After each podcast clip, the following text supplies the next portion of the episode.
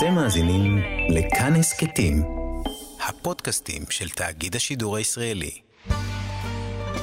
חברותה עם ידידיה תנעמי, והערב לימוד משותף עם הרב יוני לביא.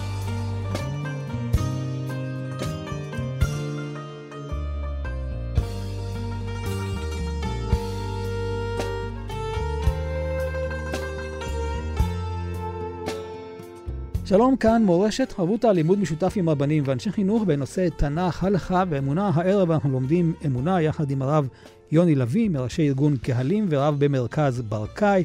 כאן ליד המיקרופון, ידידיה תנעמי, שלום לך הרב יוני לביא.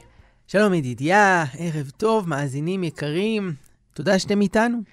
פרשת אה, עקב, פרשה שמספרת לנו על אה, ארון הקודש, והארון הזה, שם מונחים הלוחות והשאלה, איזה לוחות?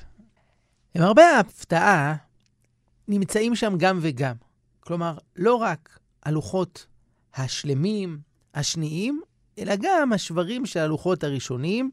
כך מצווה הקדוש ברוך הוא את משה. קח לך את הלוחות הראשונים אשר שיברת, ושמתם בארון. כלומר, גם אותם, את השברים, שים לצד הלוחות השלמים. והשאלה, למה?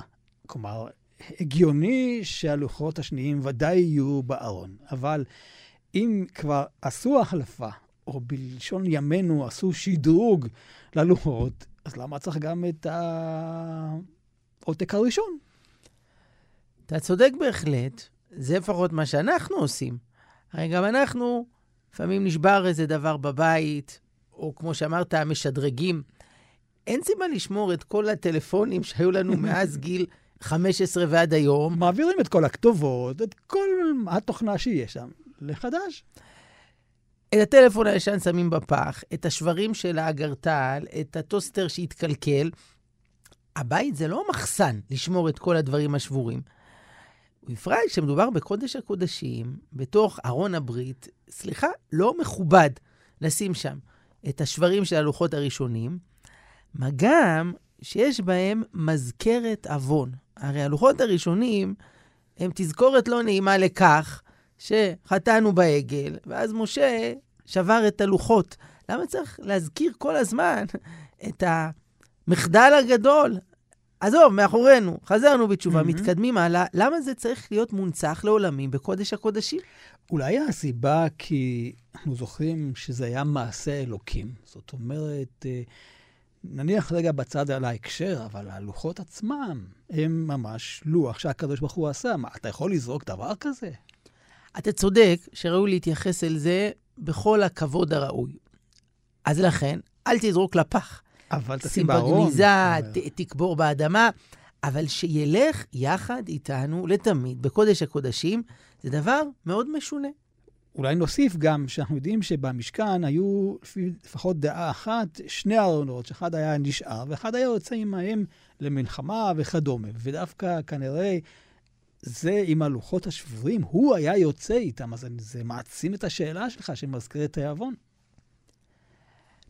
תשובה ראשונה שניתן לענות על השאלה, זה שאת אותו דבר שאנחנו היינו שמחים לשכוח, דווקא אותו התורה רוצה להזכיר לנו. הפסוק אומר, וחטאתי נגדי תמיד.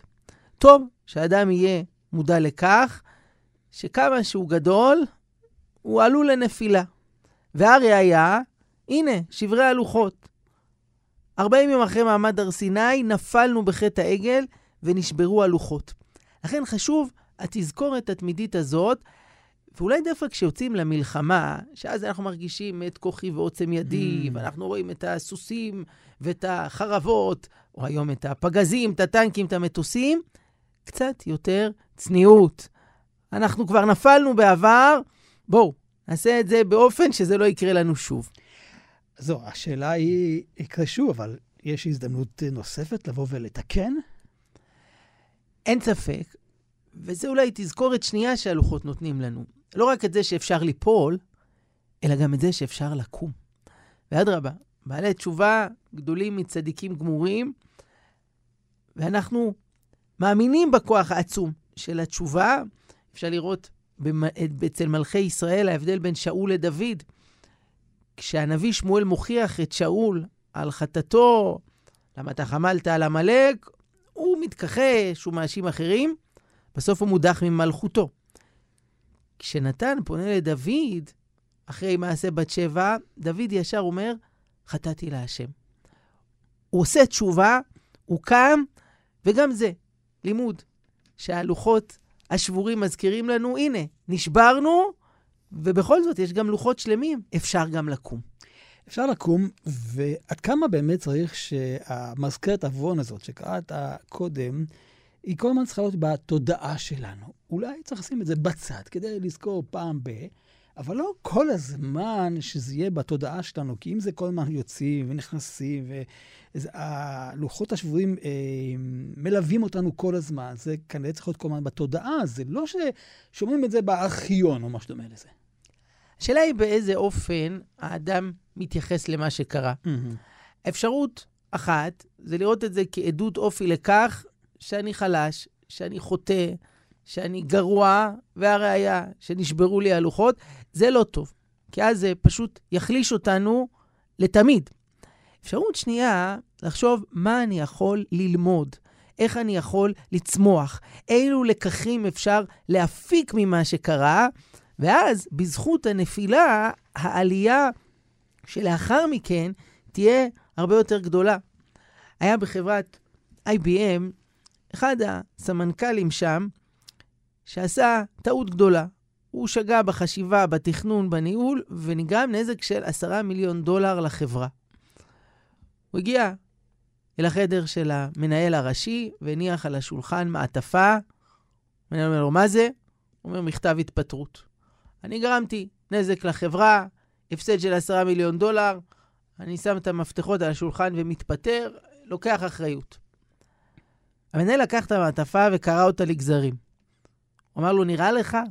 אחרי ששילמנו עשרה מיליון דולר כדי שאתה תפיק פה לקחים, תלמד משהו, מה, אנחנו נוותר עליך? סוף הסיפור היה ידידיה, הוא נשאר בחברה עוד הרבה שנים, ולעומת הנזק שהוא גרם, הוא הביא לחברה הרבה רווחים רווח. טובים אחרים, כי הוא הפך את הטעות למקור של לימוד ושיפור. הרב יוני, אז אתה אומר שצריך ללמוד מתוך הטעויות שלנו.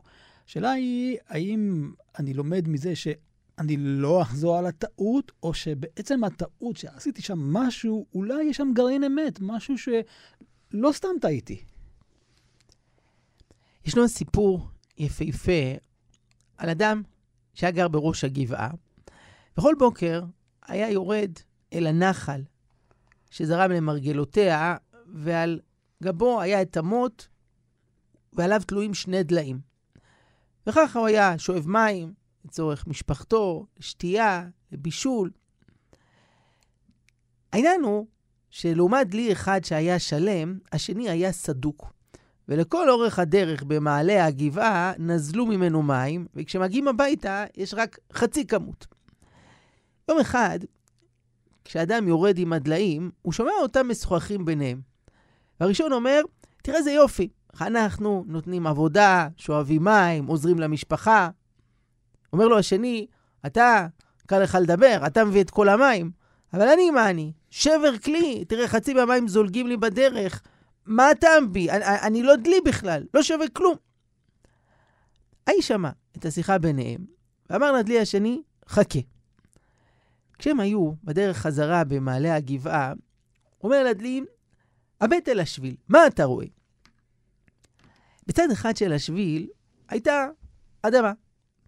בצד השני צמחו פרחים יפהפיים וריחניים. אמר לו האיש, תראה, אתה שבור, אתה סדוק, כל הזמן נוזלים ממך מים. לכן, בצד שלך שתלתי זרעים. ומה שזלג ממך, השקע אותם, ערבה אותם, הצמיח אותם. ואת הפרחים האלה הייתי כותב, מביא הביתה, משמח את אשתי, את הילדים, מקשט את הבית. הסיפור הזה, ידידיה, אני חושב שיש בו תשובה לשאלה שלך, וגם נקודה של נחמה להרבה אנשים שמרגישים כמו שברי כלים. שזה יכול להיות אנשים שסובלים מבעיות בריאותיות, מאיזשהו מום גופני. אנשים שמאוד רוצים להתחתן, למצוא את אהבת חייהם, אבל מרגישים, אני רווק, אני חצי בן אדם, אני שבר כלי, הדמעות שלי זולגות, אבל מה הטעם בי? הסיפור הזה בא להגיד שהשברי לוחות האלה, הדמעות שזולגות מהם, המים שנוטפים מהם, מצמיחים דברים שקשה לנו לתאר. מי יודע איזה תיקונים, איזה הערות, איזה ברכה לעולם באה, דווקא מהכלים השבורים. חברותה עם ידידיה תנעמי. חברותה כאן אה, במורשת, חברותה יחד עם הרב יוני לביא, חברותה באמונה, פרשת עקב. יש הרבה נושאים בתוך הפרשה, ואני שואל אותך, הרב יוני, אם אתה מחפש איזו נקודה עיקרית של הפרשה, אתה יכול למצוא אותה? בדיוק השבוע מלאו שנתיים לפטירתו של הרב עדין אבן ישראל, שטיינזלץ, זכר צדיק לברכה. והוא היה אומר שהפרשה הזו כשמה כן היא, עקב. כלומר, היא באה בעקבות פרשת ואתחנן, mm-hmm. ומשלימה אותה. כי בפרשת ואתחנן, אז יש לנו את פרשת שמע, שזה עול מלכות שמיים. בפרשת עקב יש לנו את והיה עם שמוע, שזה כבר עול מצוות. כלומר, יורדים מהרעיון הגדול של האמונה אל המעשים. זה חוזר בדוגמה נוספת. בפרשת ואתחנן יש תיאור מפורט של מתן תורה וחזרה על עשרת הדיברות. בפרשת עקב מתואר מה שבא בעקבות זה, שזה חטא העגל והנפילה.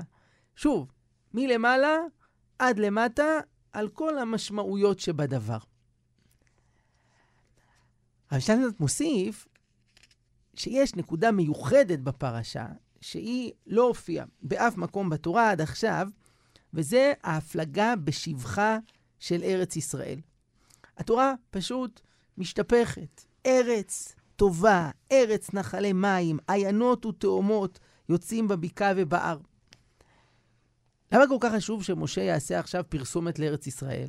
זה, זהו, כבר סגור. אנחנו כבר נמצאים uh, על הגבול. כן, uh, כבר, כבר שילמנו, אנחנו הולכים להיכנס, אין פה מה לשכנע יותר. זהו, אנחנו כאן. לא שולחים עוד פעם מרגלים. למרבה המזל. אומר הרב שטיינזלץ, משה רבנו, לפני מותו, רגע לפני שהוא נפרד מעם ישראל, חשוב לו להזהיר אותם שידעו לקראת מה הם הולכים. הארץ הזאת היא ארץ נהדרת, לא בציניות, באמת. יש שם שפע אדיר, יש שם ברכה, יש שם שבעה מינים שהשתבחה בהם הארץ. אבל כשאתה חי במקום כזה, אורבת סכנה שעם ישראל יהפוך להיות עם נורמלי.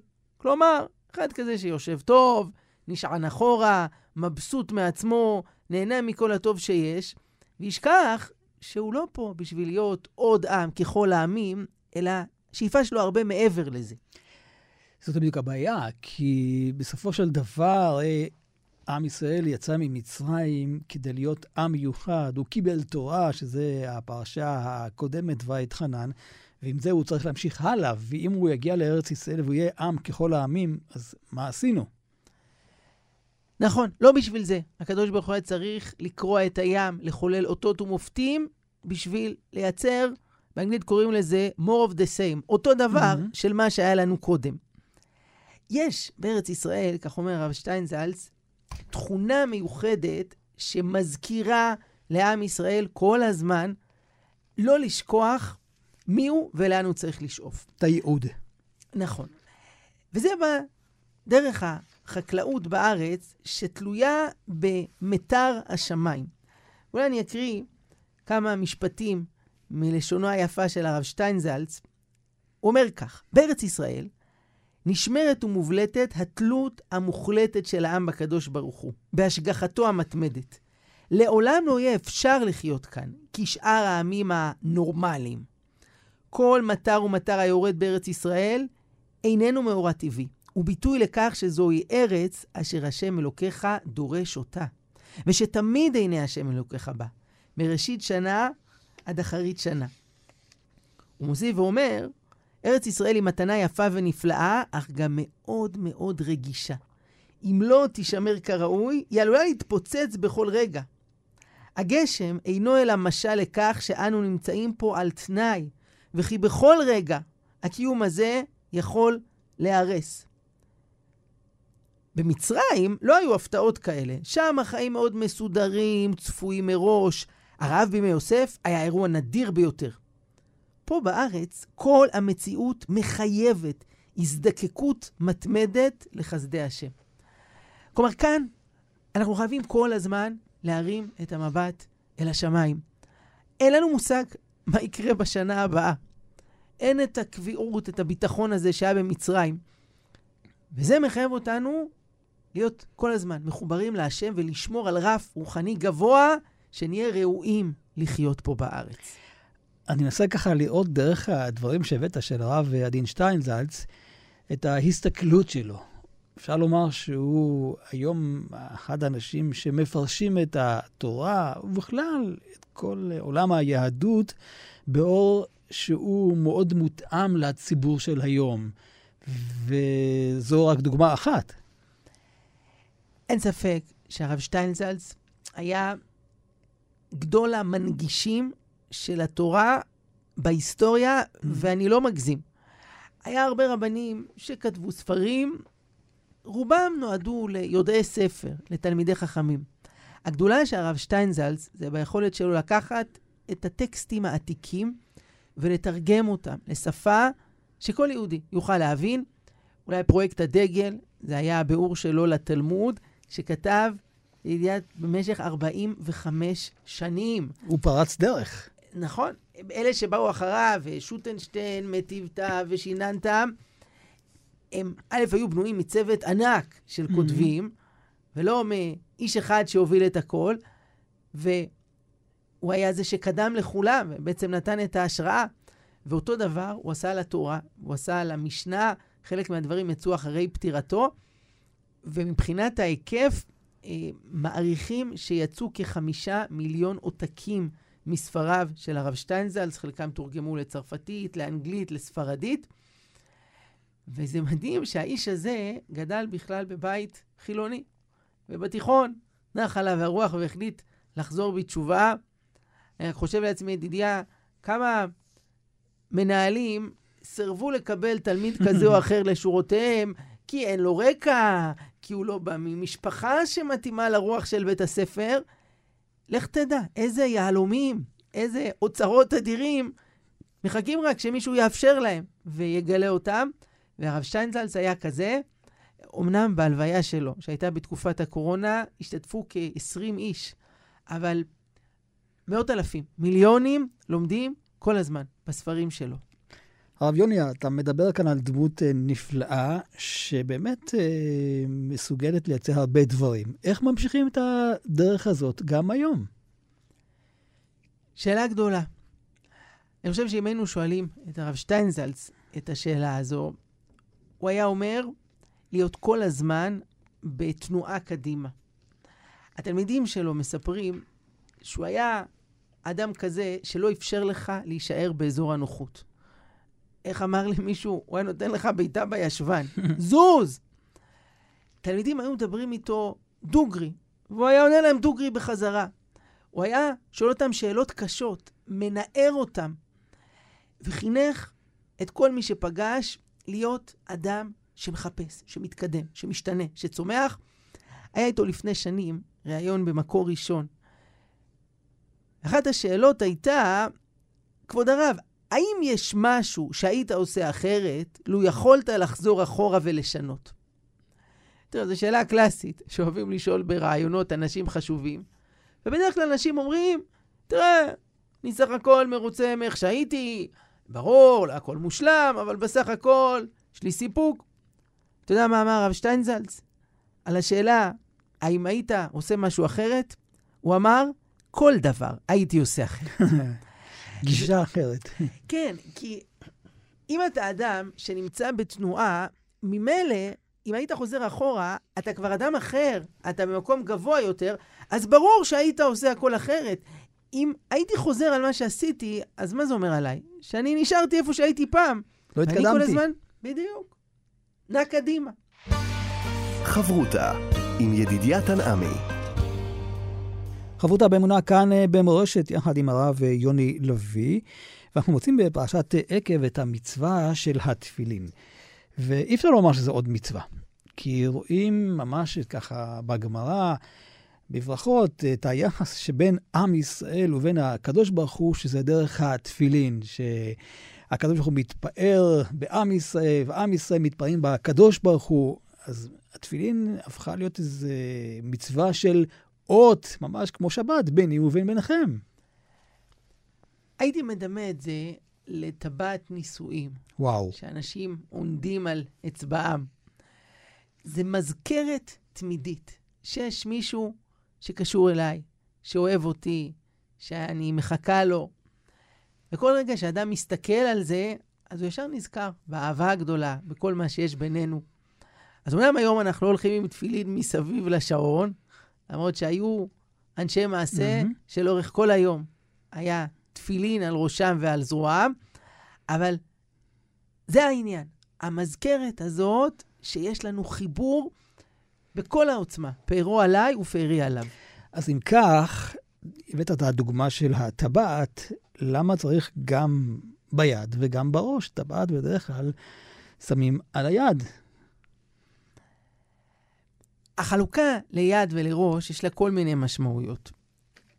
ראשית כל, גם החיים של האדם מורכבים מחלקים שונים. הראש מסמל את עולם המחשבה, עולם האמונה. הידיים מסמלות את עולם המעשה. והנחת התפילין גם על הראש וגם על היד באה לבטא את הרעיון של טוטליות, שיהיה חיבור שלם לקדוש ברוך הוא, שמקיף את כל החיים שלנו, מהמחשבה ועד למעשה. המהר"ל מוסיף ומסביר שמניחים לא על ימין אלא על שמאל, שזאת היד החלשה. כלומר, מהמקום הכי גבוה בראש עד היד הכי חלשה, מאלף ועד תף, שמקיף את הסוף. שים לב שמה ששמים על היד, זה לא על כף היד, אלא בדיוק באזור השריר, איפה שזה קרוב ללב. ואולי יש פה עוד אמירה. לא להיות רובוט של מצוות, אחד כזה שהיד mm-hmm. שלו נעה, אלא זה צריך להיות מונח על הלב. שהעשייה שלנו תהיה מתוך חיבור, מתוך הרגשה, מתוך התלהבות, לא טכנית. אולי על כך אה, רמז אה, שלמה המלך בשיר השירים, סימני כחותם על ליבך, כחותם על זרועיך. נכון מאוד. בואו נוסיף עוד נקודה, mm-hmm. וזה הסדר. כן. שים לב, אנחנו מתחילים מתפילין של יד, ורק אחרי זה תפילין של ראש. למה? לכאורה, אם היו שואלים אותנו, אולי נכון להתחיל מלמעלה, מהעקרונות. שכל. נכון, רק אחרי זה לרדת למעשים. אבל זה מזכיר את הביטוי שעם ישראל אמר למרגלות הר סיני, נעשה ונשמע. המחויבות שלנו לקיום המצוות היא גם אם אנחנו לא מבינים. גם אם כרגע אין לי מצב רוח, אני פחות מתחברת, מקבל עליי עול מלכות שמיים. ולכן mm-hmm. קודם של יד, ואז של ראש. אנחנו שואפים להגיע לשל ראש. גם את הלשמוע, במובן של להבין. אבל הבסיס זה המחויבות. נעשה, ואז נשמע. של יד ואז של ראש. אולי זאת גם הסיבה שאנחנו את היד לא סוגרים, אלא רק אחרי שמניחים את התפילין של הראש. סוגרים את השלוש כריכות על האצבע. אפשר להסביר שיש בעצם שתי רמות של עשייה. אנחנו מתחילים מעשייה גם אם היא בלי הבנה. מעשה, כל ילד, כך הוא עובד. הראש mm-hmm. עוד לא כל כך מפותח, גם תסביר לו, לא יבין. הוא עושה.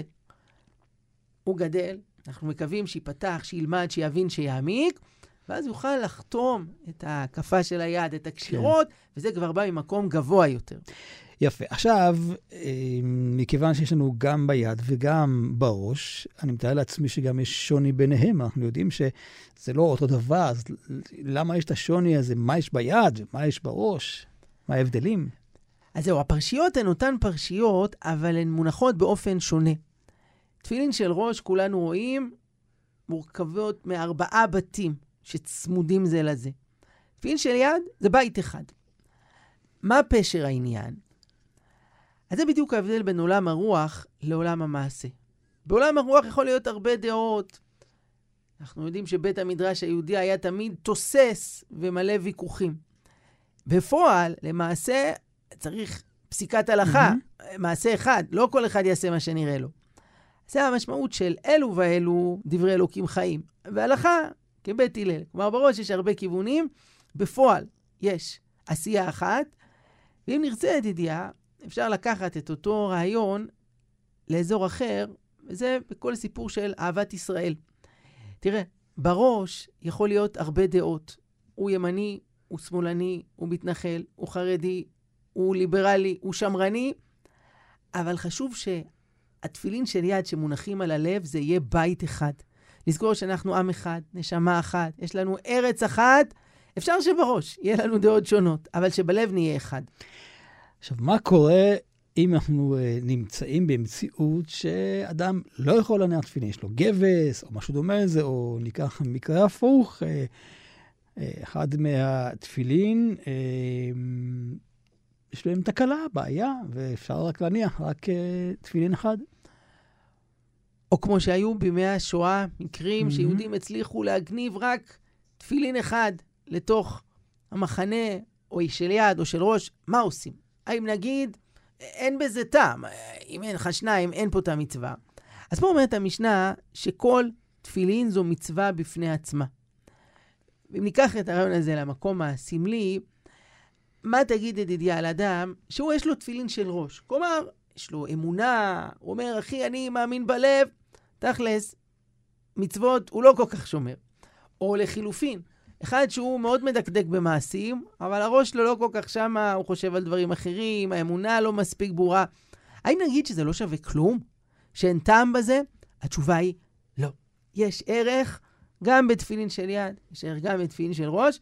כמובן, השאיפה שלנו זה לחבר את שניהם. חיים של שלמות, של מחשבה ומעשה, של ראש ושל יד, כשגם הלב מצטרף לפה, כך יהודי מתחבר לקדוש ברוך הוא.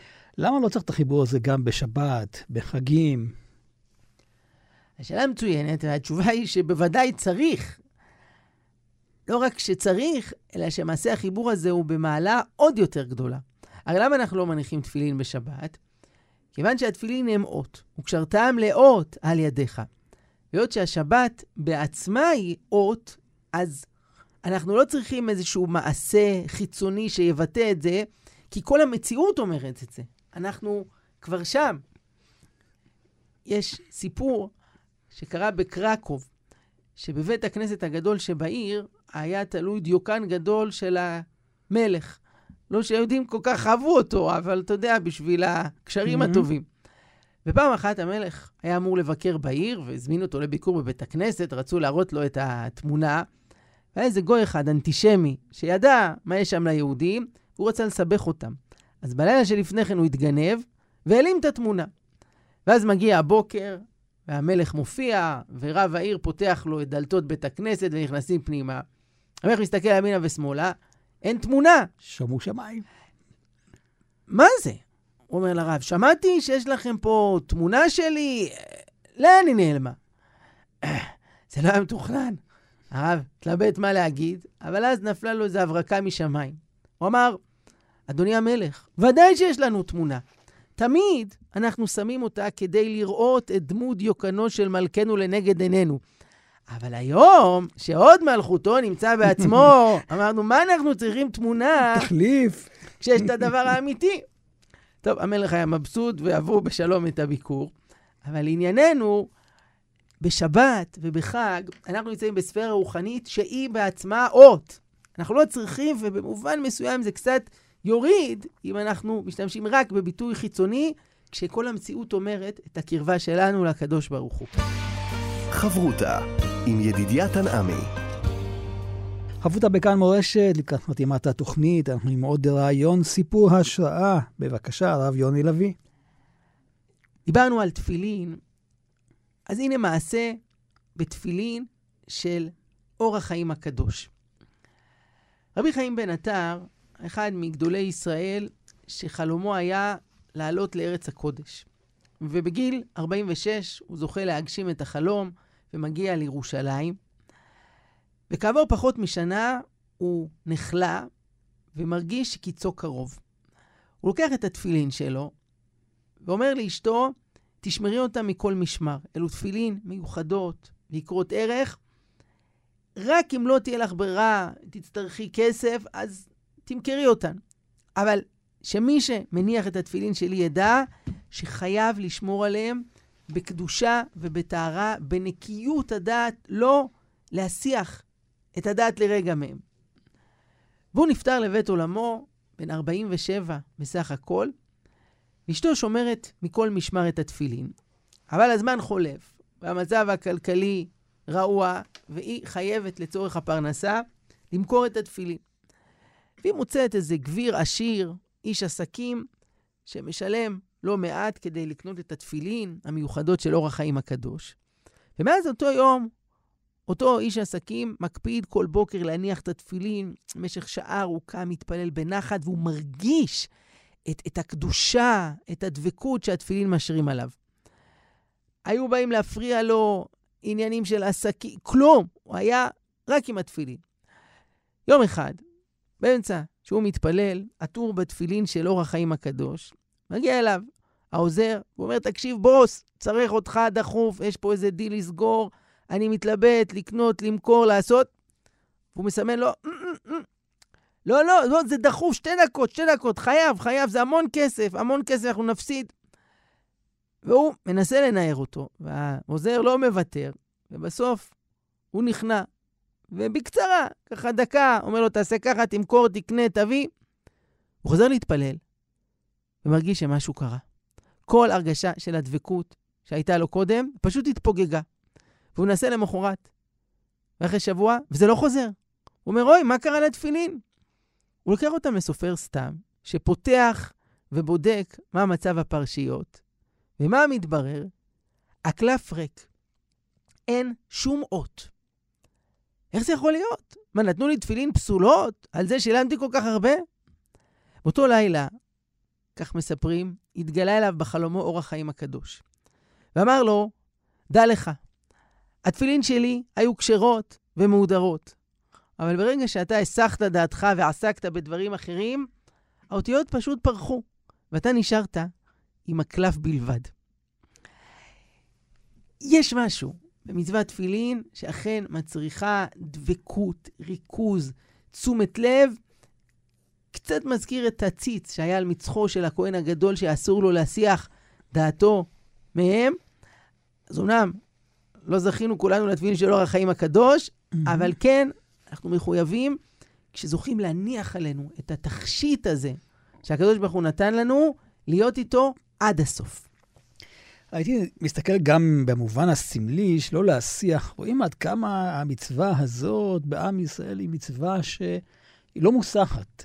כמעט כל ילד, יש לו את הבר מצווה, זה, אפשר לדמות את זה כמעט לברית מילה, שעם ישראל אוהב את המצווה הזאת. מדהים. לגמרי, ואפילו מסר על זה את הנפש. היו תקופות, כמו בזמן שלטון הרומאי לפני אלפיים שנה, שהיה עונש מוות על הנחת תפילין. הסיפור המפורסם על אלישע, בעל כנפיים, שהוא נמלט מאותו חייל רומאי, וברגע האחרון הוא חולץ את התפילין, mm-hmm. וכשהרומאי תופס אותו ואומר, מה יש לך ביד? הוא אומר, כנפי עונה. וקורה שם נס, והתפילין הופכים לכנפי עונה. תשמע, זה היה סכנת חיים לקיים את המצווה הזו. ודבר שעם ישראל מוסר עליו את הנפש, אז הוא נשאר. ואכן רואים היום אין כמעט ילד בעם ישראל, גם אם לא ממשפחה שמקפידה על קלה כבחמורה, אתה עכשיו בר מצווה, סימן להיותך mm-hmm. חלק מעם ישראל, אתה מניח תפילין. יכול להיות שאחרי זה יהיו מונחים בארון רוב הזמן, אבל יש לך תפילין שלך, כי אתה יהודי. למה דווקא גיל בר מצווה? זה נקבע. אם המצווה הזאת כל כך חביבה, כמו ברית מילה, אפשר להקדים.